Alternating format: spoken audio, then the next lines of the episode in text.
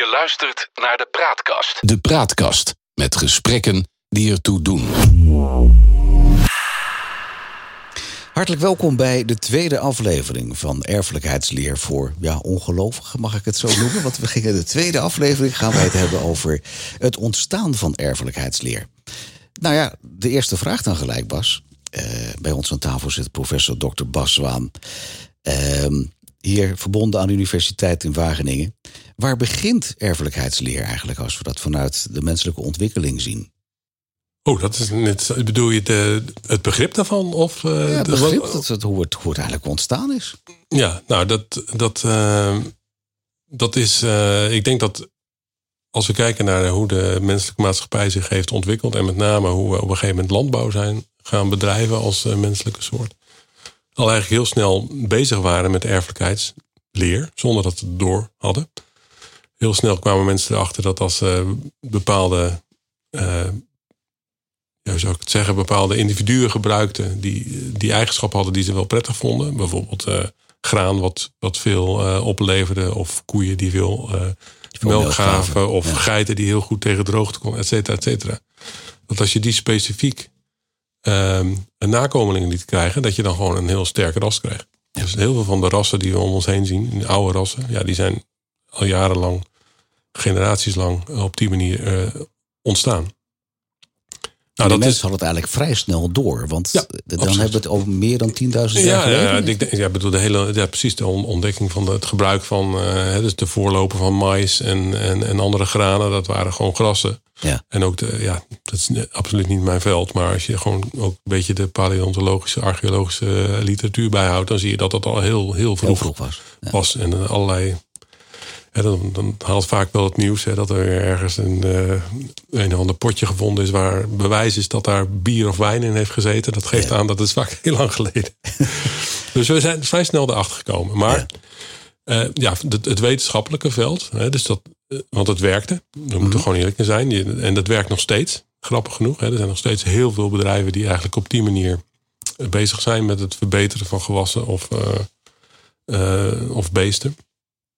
Uh, maar wetenschappelijk is het veld echt uh, ontstaan, in mijn ogen, uh, toen Charles Darwin zijn ideeën opschreef over ehm, het, ja, de diversiteit, on the origin of species, zoals, zoals het heet, het ontstaan ja. van soorten. Dus Darwin was gefascineerd door al de variëteiten die hij die, die die om zich heen zag. En dan wilde hij, hij wilde daar gewoon over nadenken. Dus hij was je begon met ongelovigen. Uh, hij, het was, natuurlijk, was natuurlijk een dogma uh, vanuit de Bijbel. God heeft die, al die soorten geschapen, et cetera. Maar ja, Darwin, die, uh, ja, die, die, dat vond hij niet een aannemelijke verklaring. In ieder geval niet aannemelijk genoeg. Dus hij is daarover na gaan denken. Hoe kan dat nou? En toen heeft hij dat een hele belangrijke proces beschreven. Namelijk dat soorten ontstaan door het proces dat natuurlijke selectie heet. Ja. Dus dat is het. er zijn bepaalde varianten uh, die heel goed aangepast zijn aan de omgeving en daardoor meer nakomelingen krijgen. En zo ontstaan allerlei nieuwe. Dat is niet een digitaal proces van de een wel en de ander niet, maar dat het heel geleidelijk gaat. Zeg ik dat goed? Nou, dat is wat Darwin zei. Oké. Darwin zei, uh, Darwin was helemaal, die, hè, dus die, die achter, het makkelijk achteraf kijken. Darwin was erg geïnteresseerd in wat wij nu zouden willen noemen uh, kwantitatieve eigenschappen. Ik denk dat we daar ook nog wel opkomen in. Ik moet veel opschrijven, ja, precies. Ja. Dus dat zijn eigenschappen die, die, uh, die ja, relatief kleine verschillen tussen organismen laten zien. Ja. En, en dat, dat kan je het beste. Uh, uh, we doen het eigenlijk elk jaar ook weer bij onze eerstejaars, eerstejaars studenten die de genetica cursus volgen. Ja. Dan zetten we de mens op volgorde. De kleinste aan de ene kant en de grootste aan de andere kant. Mm -hmm. En, um, en dat doen we dan vaak in 30 centimeter of zo, of 15 centimeter verschillen. En dan krijg je, je hoop dat de luisteraar zich dat kan voorstellen. Dan zie je dus van links naar rechts allemaal mensen staan. Nou, je vindt heel weinig hele kleine mensen. Ja. Je vindt heel weinig hele grote mensen. Je vindt heel veel mensen die ongeveer gemiddeld zijn. Ja. Nou, dat, als je, dan, en als je daar ook nog een lijntje door trekt, dat wordt ook wel de curve van Gauss genoemd, of uh, de bell-shaped curve. Dat, dat is waar daar, dat soort eigenschappen had Darwin het over. Dus de verschillen tussen de individuen zijn relatief klein. En, um, en het andere waar hij heel erg door geïnspireerd was, was uh, door geologie. Namelijk dat, ja, dat, misschien verbaast hij dat. Ja, ik zit even van hem, geologie. Ja, dat, ja, precies. Want, want kijk, Darwin had ook, en wat in die tijd natuurlijk ook al was er veel bekend over dat de aarde echt al ouder was dan 6000 jaar. Ja. Dus hij wist, hij was zich al van bewust dat er veel tijd was. En hij wist ook dat als je tijd hebt en zelfs al zijn processen subtiel, hè, want daar, daar was je, kwam je vraag vandaan. Ja.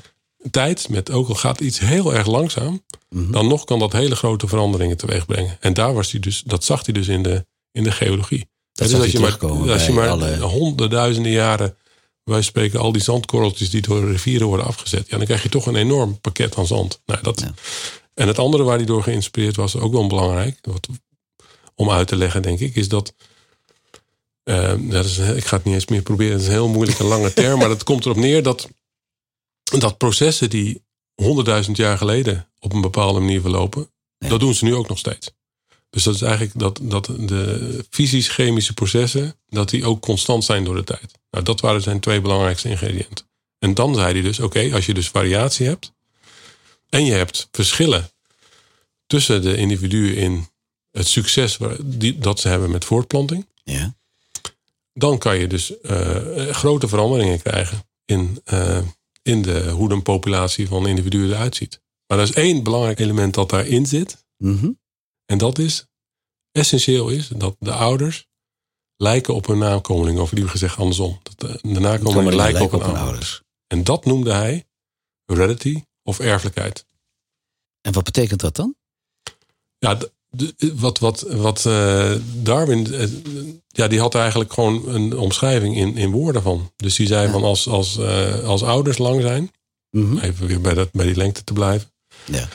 Als ouders lang zijn, dan is, dan is de waarschijnlijkheid dat hun nageslacht lang is ook groot. Dat is eigenlijk wat ja, okay, dat, maar dat, dat is dat, dan de meest waarschijnlijke, maar het is niet altijd zo. Nee. Begrijp ik. Want het is wel grappig dat je het hebt over lichaamslengte. Want de luisteraars zien ons niet. Maar jij vertelt dat je bent ruim eh, twee meter. Twee meter nog wat. Je bent heel lang. En ik ben maar een heel klein mannetje. Ik ben 1,70 meter. 70, dus het is wat dat betreft, als we deze tafel tot een voorbeeld nemen, dan ziet het er wel grappig uit. Precies, we hebben veel variatie aan tafel. Maar jou, jouw beide ouders, die, die waren ook lang? Nee. Nee, dat heeft weer dan te maken wat je er straks bij, bij de aflevering 1 met voedsel en dergelijke. Dat nee, dat is wellicht heel veel gegeten hebt. Nee, het is absoluut. Ik weet het niet. Het is een, eh, een, eh, een, raadsel. We komen volgens mij misschien nog wel een keer te praten over epigenetica. Ik, ik noem dit. Ja, ik, ik weet het niet. Want het, ja, zelfs mijn eigen kinderen, die, dus mijn dochter, die, uh, die is wel een beetje teleurgesteld volgens mij. Want mijn vrouw is 1,68 en mijn dochter is nog ietsjes kleiner. Ja. dus ja, dus uh, dat klopt niet. Dat klopt niet. Dat is, dat is gewoon een heel ander verhaal. Nee, maar dat geeft wel aan. Dat, dat is dus toch even terug te komen op. En nou, ik denk dat we daar wel, je hebt hem opgeschreven, die kwantitatieve eigenschappen, zoals we dat noemen. Daar zie je dat dus heel erg bij. Dat, het is, uh, ik denk dat iedereen herinnert zich dat nog. Of mensen die luisteren en die hebben jonge kinderen. Als je bij de schooldokter komt die geeft een soort projectie, een soort prognose over hoe lang je bent. En wat, wat, wat, wat je gaat worden. Precies, en die prognose is heel simpel. Dat is uh, het gemiddelde van beide ouders. Mhm. Dat noemen we ook wel de mid-parent. Uh, plus nog een, uh, geloof ik, nog een aantal centimeters erbij of zoiets. Met een beetje ruis aan te geven. Dat is, zo wordt die voorspelling gedaan. En daar kan dan die variëteit in zitten, dat, dat ook wellicht omgevings... Uh... Het, het, werkt perfect als je, als je het op honderdduizend mensen doet. Maar als individu kan het nog heel erg afwijken. Ja. Ja. Maar dan heb je het alleen over menselijke eigenschappen. Maar dat geldt dus ook bij oh, planten, bij dieren, bij alles. Nog even terugkomen op Darwin. Want ik, ik zag aan Joga dat je het gelijk heel erg boeiend vindt als het over Darwin gaat. Maar hij had in zijn tijd, misschien geldt dat op dit moment nog steeds, natuurlijk wel te maken met een dogma wat geloof heet. Ja. Heb jij daar in jouw vak nog steeds mee te maken dat mensen daar wat van vinden? Uh, nou, dat, het interessante is, is dat, uh, dat als je het over erfelijkheid leer en genetica eigenlijk niet. Nee. Zodra je het dus gaat koppelen aan evolutie, ja, dan, dan kan dat, dan speelt dat soms wel. Ja. En waar maak je dat zo mee? Dat mensen het niet met je eens zijn, omdat ze vanuit filosofische oogpunten wat anders van vinden? Nou, het meest extreme wat ik gehad heb, was uh, in Leiden, toen ik nog in Leiden werkte. Ja. En ik het uh, tentamen evolutiebiologie afnam. Mm En uh, dat zouden we nu een disclaimer noemen, waar die student had boven aangeschreven Meneer, ik heb hieronder uh, geantwoord uh, wat u graag wil horen, maar ik ben het er niet mee eens. dat was het hele pragmatische. Ja. Uh, die had het ook heel goed gedaan trouwens. Nee, dus de discussie gaat denk ik ook hier weer over. Mm -hmm. um, ja, dat is, ik snap het wel. Ik, heb, ja, ik kom zelf, mijn, ook, ook, ben ook gelovig opgegroeid, dus opgevoed. En ja, dat, dus ja, we, we, komen hier wel vaak over te spreken.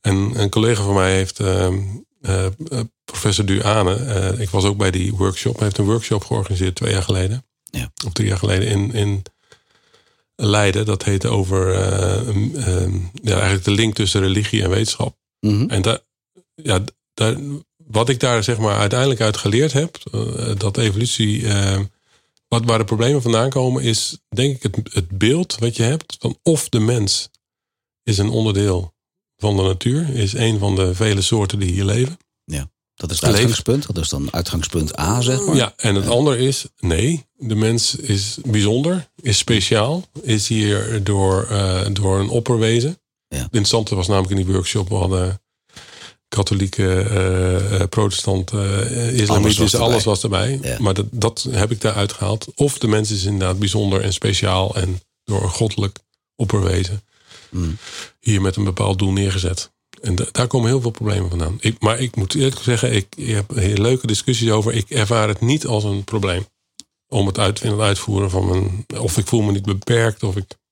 Nee. Je zegt eigenlijk, er zijn maar twee stromingen. De ene stroming is dat, dat, dat menselijk wezen boven uh, alle andere dieren en planten staat. Of je zegt het is gewoon een onderdeel van. Dat is eigenlijk in, in essentie de meest. Uh, dat heb ik eruit gehaald. Fundamentele toen. vraag. Maar ik snap jouw vraag nu wel ook. Wat, wat je ook ziet, en dat, dat heeft minder met religie te maken. Dat heeft meer te maken met um, ook weer, ja, toch wel een dogma. Ja. Heel lang.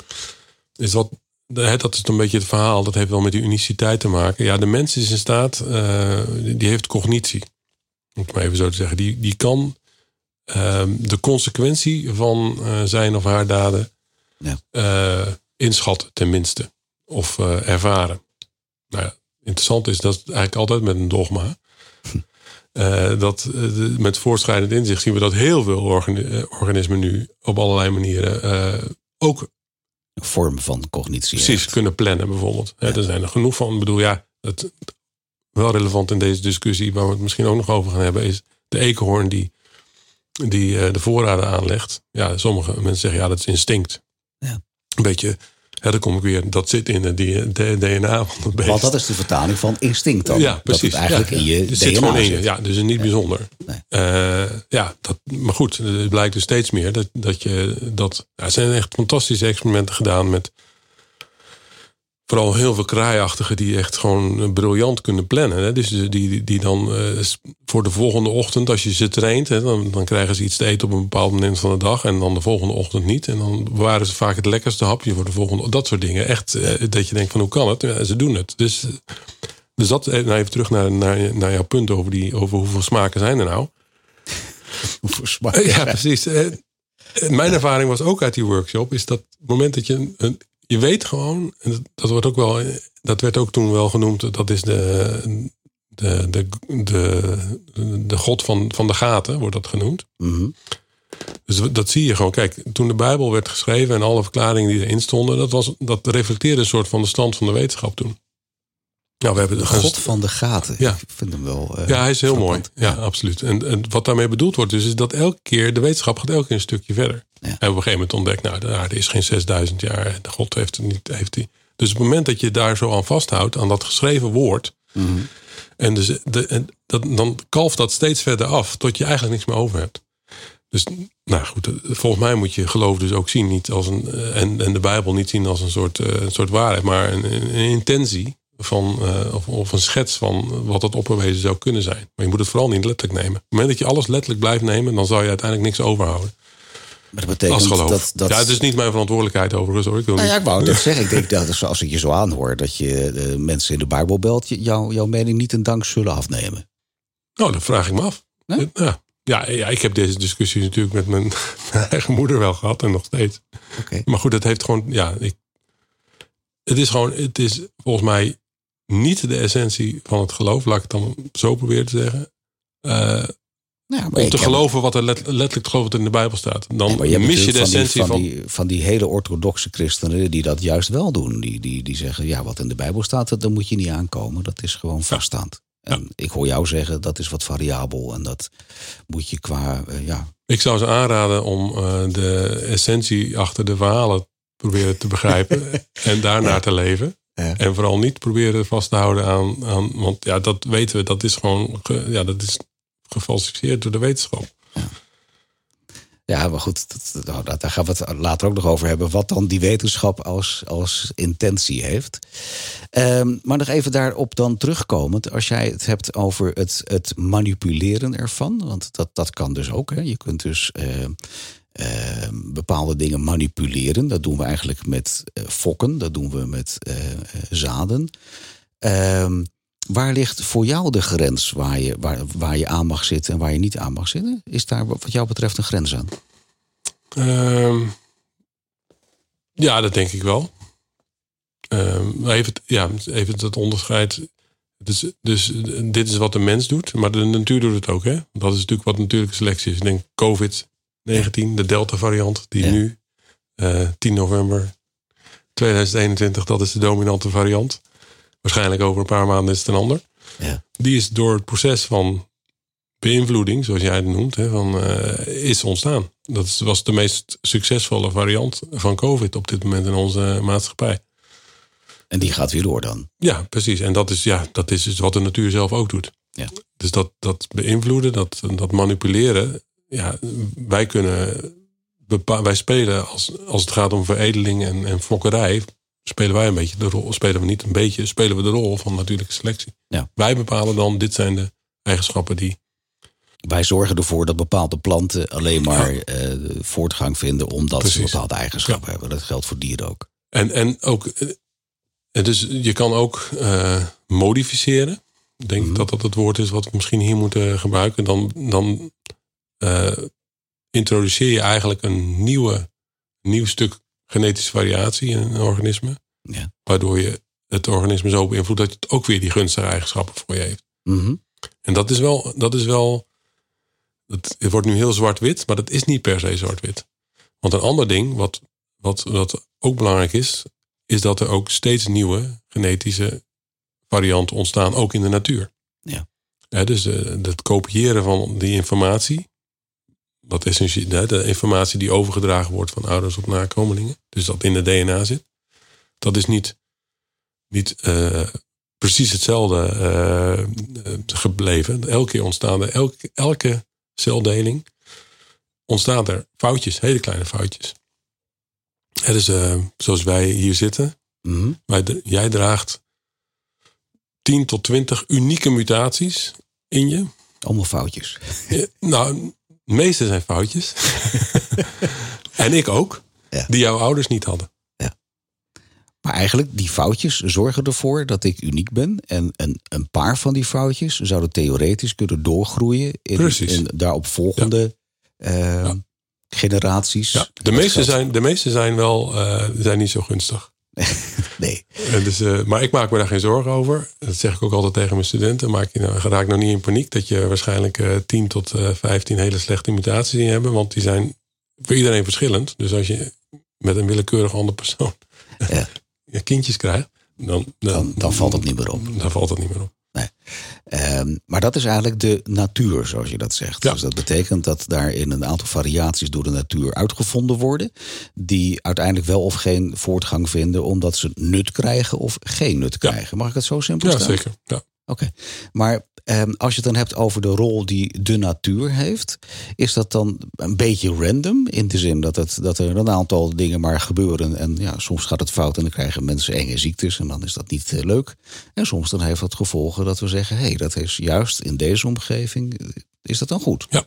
Dat is een beetje het idee. Ja, bij de mens zijn er uh, aansprekende voorbeelden, vind ik zelf, uh, dat een beetje hand in hand gegaan is met met ook de ontwikkeling van uh, de, de landbouw. Dus, ja. uh, het, het, drinken van melk bijvoorbeeld. Wat natuurlijk eigenlijk helemaal niet natuurlijk is. Mm -hmm.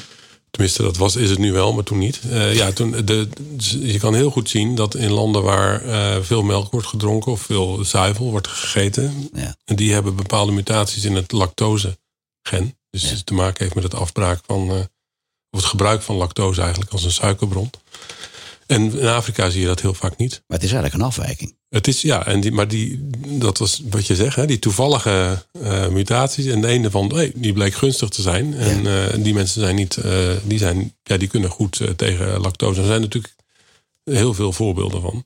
En ik, nou even terug, COVID, het is al net iets makkelijker misschien om niet over de mensen te praten. Daar is, ja, dus die Delta-variant, ja, dit is ook een van de vele, maar er ontstaan ontzettend veel uh, eigenlijk is het trouwens ook nog wel belangrijk op te merken, is, is het coronavirus eigenlijk nog best wel een soort van oké. In de zin van die, die nog redelijk goed aan een soort uh, DNA-controle doet. Mhm. maar er zijn heel veel, heel veel virussen die dat helemaal niet doen. Dus die ontstaan, er staan nog heel veel varianten. Dus de kans dat er ook weer een nieuwe variant ontstaat is gewoon heel groot. Maar dat betekent dat je eigenlijk zegt, we mogen nog blij zijn met COVID. Nou, in zekere zin. Het had veel erger kunnen Nou ja, er zijn ook wel mensen dat had ik zelf trouwens ook als eerste reactie. Ik, grappig. Hoe leer je? Dus de eerste reactie van dat je hoort... ja, we hebben een meer besmettelijker variant... maar is niet dodelijker. Ja. Dan denk je, nou, dat is mooi. Maar eigenlijk zou andersom gunstiger zijn. Want dan sterft hij eerder uit of zo. Ja, zit ja te schudden van ja, daar ben ik ook vanaf. Ja, oké.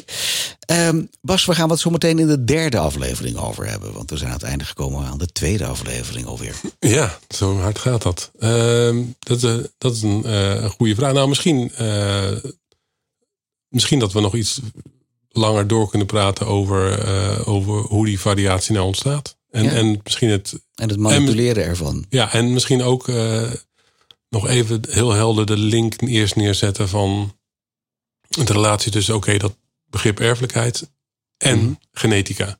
Ja. Dat is misschien het beste waar we zo even mee zouden Erfelijkheid en genetica, dat, is dus, dat zijn twee onafhankelijke dingen. Nou, nee, ze hebben met elkaar te maken. Ja, spannend. Ja. Cliffhanger. Tot zo meteen. Als je meer wil weten, je mag altijd eh, mailen naar info.praatkast.nl. Of kijk bij ons op de site. Bij uh, praatkast.nl heb je rechts onder een icoontje zitten. Dan mag je rustig hebben. Um, professor Dr. Bas Zwaan, graag tot zo meteen bij uh, de derde aflevering. Je luistert naar de Praatkast. De Praatkast. Met gesprekken die ertoe doen.